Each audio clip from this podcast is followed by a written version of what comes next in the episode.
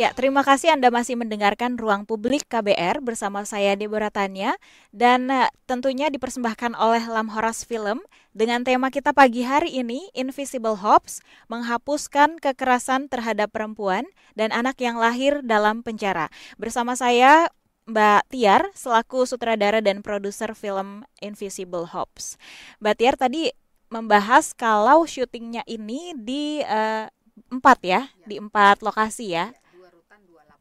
Ada dua rutan, ada dua lapas. Sekalian nih Deborah ingin bertanya juga, mungkin pendengar juga ada yang masih bingung-bingung ya, apa sih yang menjadi pembeda antara rutan dan lapas? Oh iya, belum tahu ya. ya jadi eh, rutan dan lapas itu kalau rumah tahanan itu ada rumah tahanan kepolisian, kejaksaan, kehakiman dan rumah tahanan yang di bawah Direktorat e, Pemasyarakatan. Nah, di rutan ini rumah tahanan ini biasanya yang masih proses penyidikan atau proses e, persidangan. Jadi masih menjalani proses hukum. Hmm. Nah, di rutannya e, Direktorat Pemasyarakatan Kalaupun mereka sudah vonis, biasanya ada yang tinggal di situ, tapi rata-rata vonisnya uh, pendek gitu. Nah, setelah divonis, inilah pindah ke lapas, lapas. lembaga pemasyarakatan, di mana di sanalah mereka lebih fokus untuk pembinaan seperti ya itu makanya namanya pemasyarakatan hmm. mempersiapkan supaya mereka bisa uh, siap untuk kembali ke masyarakat. masyarakat katanya tapi kan kenyataannya nggak siap gitu nggak ada kurang pembinaannya gitu iya karena Mbak Tiar juga udah melakukan riset syuting itu hmm. kalau di total total pembuatan film Invisible Hops ini memakan waktu berapa lama sih Mbak jadi riset itu dimulai 2017 hmm. uh, syuting maksudnya sebetulnya riset pun udah syuting ya, tapi syuting utama itu dimulai 2018, mm-hmm. selesai sampai bisa rilis itu di 2021. Lalu dari 2021 kita lanjut terus dengan Impact Campaign. Impact Campaign itulah tadi yang bagaimana kita e, menginformasikan ke sebanyak mungkin orang, baik negara, komisi HAM, masyarakat bahwa ini ada sebuah persoalan dan semua orang harus turut ambil bagian mencari solusi yang lebih baik.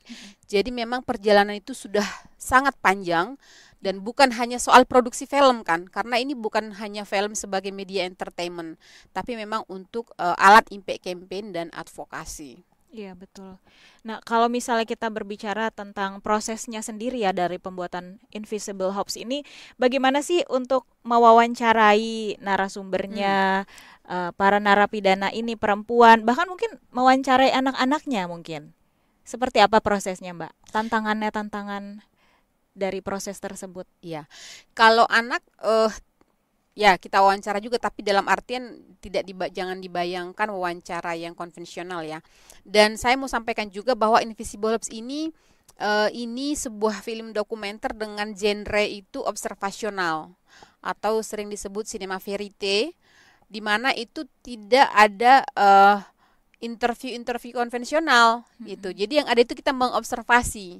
Jadi berbulan-bulan Mbak kita di sana ngikutin mereka, tidak ada intervensi. Mereka ngapain kita lihat, kita film kan. Nah, itulah kenapa uh, fakta-fakta yang ada dalam Invisible Ops itu sangat akurat. Hmm. Karena uh, tidak ada narasi yang mengarahkan gitu, tidak ada naratornya.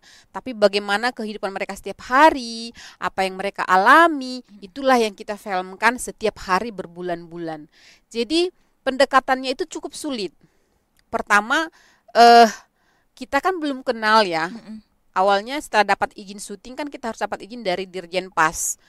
Nah, uh, dapat izin juga udah sulit. Nah, begitu dapat izin, kita harus pendekatan dulu sama kepala lapas atau kepala rutan, dan itu nggak mudah gitu ya. Dan itu semua baru kita kenal. Saya nggak kenal mereka sebelumnya.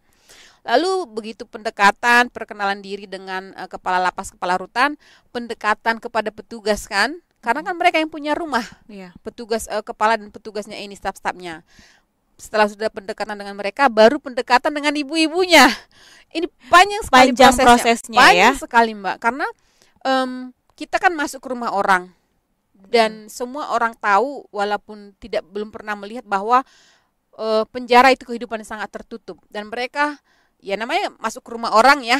Hmm. orang juga pasti nggak mau kelihatan rumahnya sedang kotor atau rumahnya berantakan. Dan ketika datang orang pengen memvideokan kan Mbak sendiri datang orang ke rumah ya. Mbak memvideokan, Mm-mm. ini ngapain? Pasti curiga. Iya. Nah, kecurigaan itu sangat banyak dan yang ngomong ke kita bertanya kita di sini ngapain mulai dari yang manis, yang sopan sampai yang galak ada gitu. Jadi itu harus kita jalani tiap hari. Jadi saya harus jelaskan Mm-mm. kami di sini ngapain, tujuannya ngapain. Kami bukan mau cari-cari kesalahan pihak lapas atau rutan, bukan mau menjelek-jelekkan. Itu harus kita jelaskan tiap hari. Iya. Gitu. Bagaimana kita menyampaikan tujuannya ini hanya ingin membantu para ibu hamil dan anak-anak. Mm-mm. Sama halnya juga dengan ibu-ibu. Itu harus kita jelaskan, Mbak.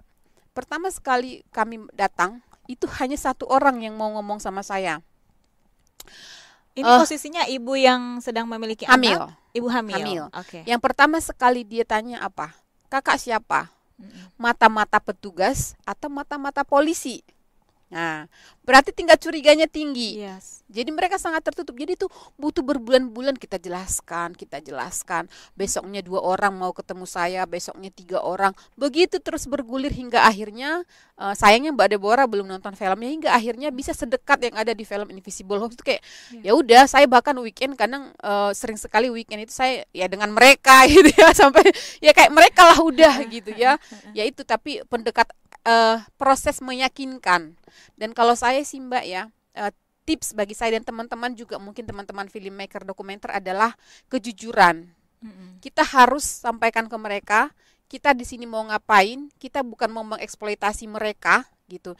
Ini mereka harus diyakinkan dan kita tidak boleh mengeksploitasi mereka, menyalahgunakan kepercayaan mereka. Betul. Itu yang selalu saya sampaikan kepada mereka dan saya pikir kejujuran inilah yang akhirnya membuat petugas, kepala lapas, kepala rutan dan ibu-ibu ini percaya kepada saya sampai saya diizinkan masuk ke dalam sel. Saya juga ada lihat eh, cuplikan-cuplikan ya dari behind the scene film Invisible Homes ini sudah banyak juga ya videonya di YouTube dan ada eh, saat momen Mbak Tiar ini tidur bersama-sama dengan anak-anak bayi di dalam eh, ruangan itu ya Ya. dan itu memang sampai jadi sedekat itu karena proses Iya. yang panjang tersebut ya Mbak Tiar ya. Kadang-kadang malah saya rasa mereka mau ngunci saya di dalam kayaknya.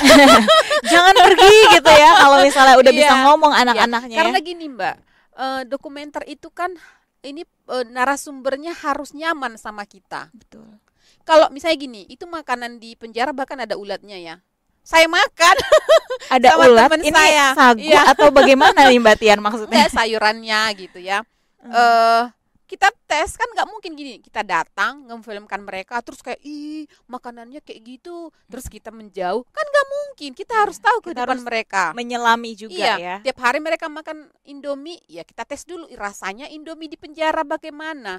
Rasanya tidur di penjara bagaimana? Berdesak-desakan kan gitu. Jadi itu yang harus kita tunjukkan gitu. Nah saya pikir itulah kenapa ibu-ibu ini percaya sama saya. Kita bukan sekedar datang berjarak memfilmkan mereka selesai enggak dan ketika mereka butuh sesuatu semampu kita kita bantu. Iya. karena memang tujuan film ini kan menolong mereka gitu jadi ini yang eh, saya pikir mereka percaya kepada kita dan petugas juga melihat Iya. gitu Berapa banyak sih Mbak tim yang Mbak libatkan untuk syuting nggak ini? banyak eh kan kita ada empat penjara Mm-mm. masing-masing tim paling maksimal eh, dua dua orang satu sekali sekali jalan eh sorry Sekali jam. Eh, yang standby itu satu dan satu atau dua orang.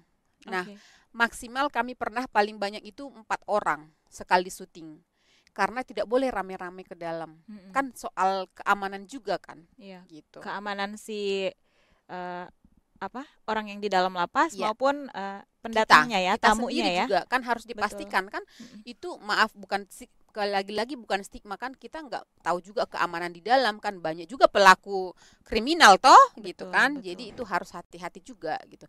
Tapi awal-awal petugas itu selalu mengawal kita ke mana-mana lama-lama kita dianggap napi kali ya udahlah pergi aja ke dalam. Ya udah langsung Saking aja. percayanya tapi kita nggak menyalahgunakan Iya gitu. betul betul. Itu ya balik lagi eh, kalau diberi kepercayaan yes. tadi poin yang Mbak Tiar sampaikan adalah harus jujur ya. Jujur eh, kemudian niatnya Mm-mm. tidak ada niat terselubung betul. harus benar-benar ya mau menolong menolong. Jangan hanya untuk mengeksploitasi. Saya tidak suka melihat beberapa filmmaker yang mengeksploitasi isu Mhm. bahkan mengeksploitasi orangnya Mhm, gitu. Mhm, jadi mhm. ini bukan hanya sekedar jangan mem- menganggap mereka tuh hanya sebagai subjek gitu. Dan itu kenapa saya jatuh cinta dengan dokumenter. Ini dokumenter pertama saya. Saya backgroundnya itu fiksi Wah, kita sekalian beri apresiasi nih untuk Mbak Tiar dan timnya tentu ya yang ada di balik layar film Invisible Hops ini. Uh, baik, sebelum kita lanjut ada penelpon lagi Mbak Tiar yang ingin bertanya atau memberikan komentar. Ada Vera di Bali, Ibu Vera. Halo, selamat pagi. Ya, selamat pagi. Ya, silakan Ibu. Uh, ya, saya uh, merasa prihatin sebagai seorang ibu dan seorang perempuan dan seorang nenek saya. Uh, apa yang dikatakan oleh ibu-ibu berdua ini di KBR uh, seperti ada di lapas uh, bahkan ingin membantu teman-teman di sana, saudara-saudara kita di sana, laki atau perempuan, walaupun sedikit gitu. Tetapi kalau masuk itu uh, sulit sekali, ketat sekali gitu. Ya gimana saya juga sebagai seorang perempuan merasa prihatin dan gimana cara saya mendoakan dulu supaya tabahkan hati, kuatkan imam, rajin berdoa apa yang hadapi supaya berjalan lancar bisa damai, bisa keluar dari lapas. Terima kasih. Sekian dari Bu Pera Bali. Suksemo Om Santi Santi Santi Om. Ya, terima kasih Bu Vera dari Bali yang sudah mendengarkan kami juga ya. Ya, memang uh, ini bukan cuma perasaan Ibu Vera saja bahwa hatinya sangat prihatin. Tentu kita semua yang mendengarkan merasakan hal yang sama ya, Mbak. Uh, Bu Vera ini prihatin sebagai seorang ibu juga, seorang, seorang nenek. Uh, memprihatinkan keadaan saudara-saudara kita khususnya karena ini kita membahas tentang perempuan khususnya mereka yang uh, berjenis kelamin perempuan. Terima kasih Ibu Vera dan uh, ya boleh saya uh, seri, sedikit beri komentar ya, pada Bu Vera ya. Uh, terima kasih Bu Vera atas um, empatinya, simpatinya gitu ya, tergerak hati uh, ingin membantu Ya betul memang salah satu kesulitan ketika kita ingin membantu itu sulit masuk ke dalam. Ya mm-hmm. namanya juga kita masuk ke rumah orang ya. ya. Tapi eh ketika kita masuk ke rumah orang kalau kita dengan baik-baik, dengan niat baik, dengan sopan saya pikir pasti bisa. Jadi ibu, kalau ibu dan teman-teman atau komunitas pengen ngumpulin donasi gitu-gitu mau disampaikan, tidak apa-apa pergi langsung ke lapas atau rutan terdekat selama jelas kita dari mana, kita siapa, tujuannya apa, mereka sangat terbuka. Ini yang saya, saya dorong Mbak Deborah. Ya. Jadi e, banyak sekali penonton yang bilang, Mbak, kami pengen e, kasih ya. donasi, ya. gitu. Gimana caranya, gitu ya? E, tidak usah takut selama kita niatnya baik, tujuannya baik, mereka pasti sangat terbuka. Kenapa? Karena ibu-ibu kepala lapas, petugas itu kewalahan sebetulnya menangani persoalan ini. Ini juga yang harus ini juga yang kami advokasi melalui Invisible Hopes. Kenapa? Karena tidak adanya anggaran, ketika ada masalah di bawah, ada yang sakit, ada yang butuh popok, kan kepala lapasnya yang repot. Yang Maka mereka ketika ada donasi masuk ke dalam sangat terbuka, sangat terbuka, sangat terbuka gitu. Baik. Jadi silakan ibu kalau tidak bisa pergi ke lapas atau rutan terdekat bisa berkomunikasi dengan kami. Kira-kira apa yang bisa kita lakukan bersama? Baik. Boleh saya sampaikan uh, nomor kontak kami? Iya, setelah break boleh. Oke, boleh. Kita harus jeda iklan terlebih dahulu. Uh, akan kembali lagi setelah ini ruang publik KBR bersama saya Deborah Tania.